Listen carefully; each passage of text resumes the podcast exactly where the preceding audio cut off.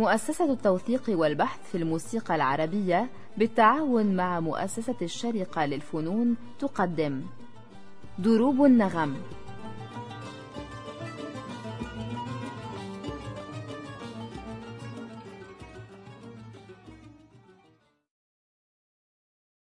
التوشيح. كنا قد تحدثنا واستعرضنا في الحلقة السابقة شكلين من أشكال التفريد.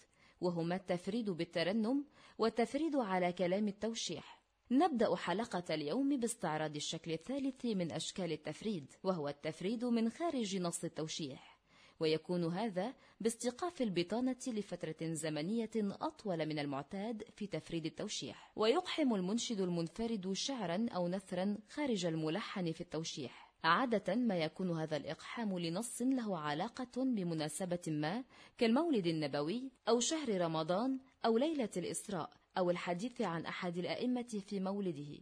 ومن الشيخ طه الفشني نستمع إلى توشيح سبق واستمعنا إليه بشكل مختصر وهو توشيح مولاي كتبت رحمة الناس عليك. ونعيد الاستماع للتوشيح بفترة زمنية أطول لنلحظ كيف يمكن صياغة أشكال منفردة على نفس اللحن. وأيضا لنلحظ علاقة المنشد المنفرد بالبطانة. كيف بوقف التفريد؟ يعطي إشارة بالعودة للبيت نفسه أم للانتقال لبيت جديد؟ كيف تأخذ البطانة منه هذه الإشارة؟ يقحم الشيخ طه في ثالث بيت من التوشيح أبيات بمناسبة شهر رمضان يبدأها بشهر التقى للتذكير التوشيح من مقام السكة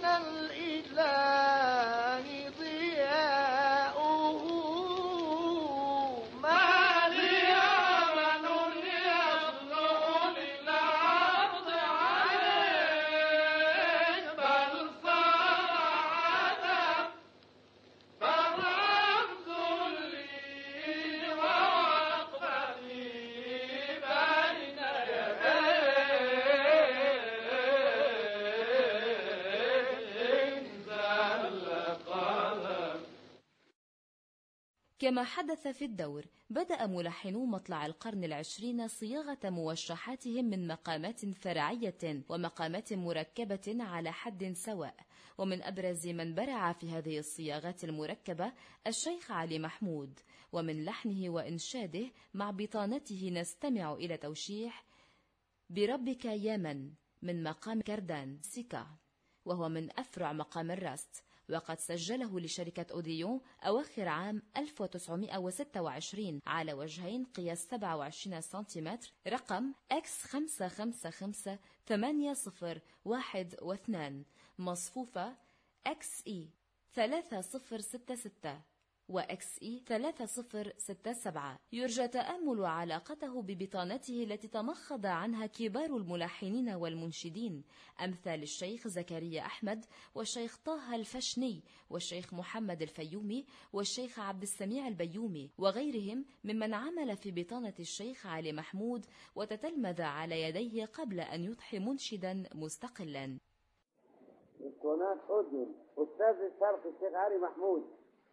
بربك يا من جهلت مرضا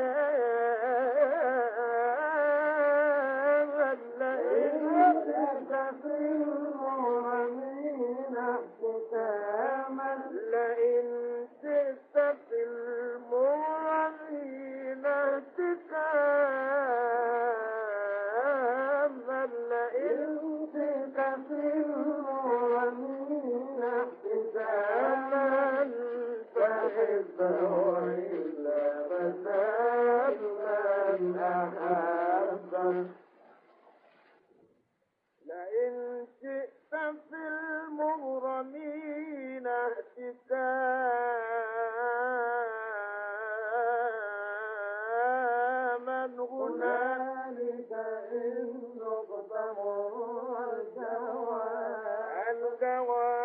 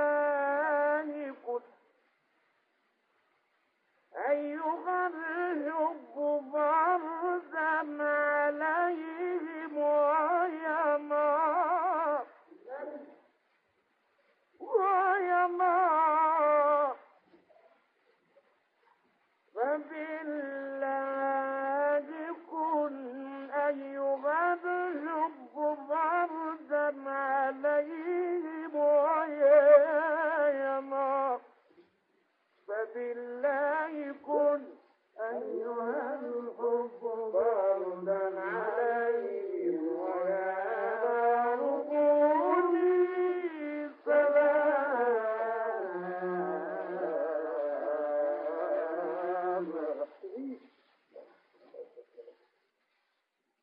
معظم التواشيح تلحن من الواحدة المتوسطة أو الكبيرة وبعضها من الواحدة الصغيرة.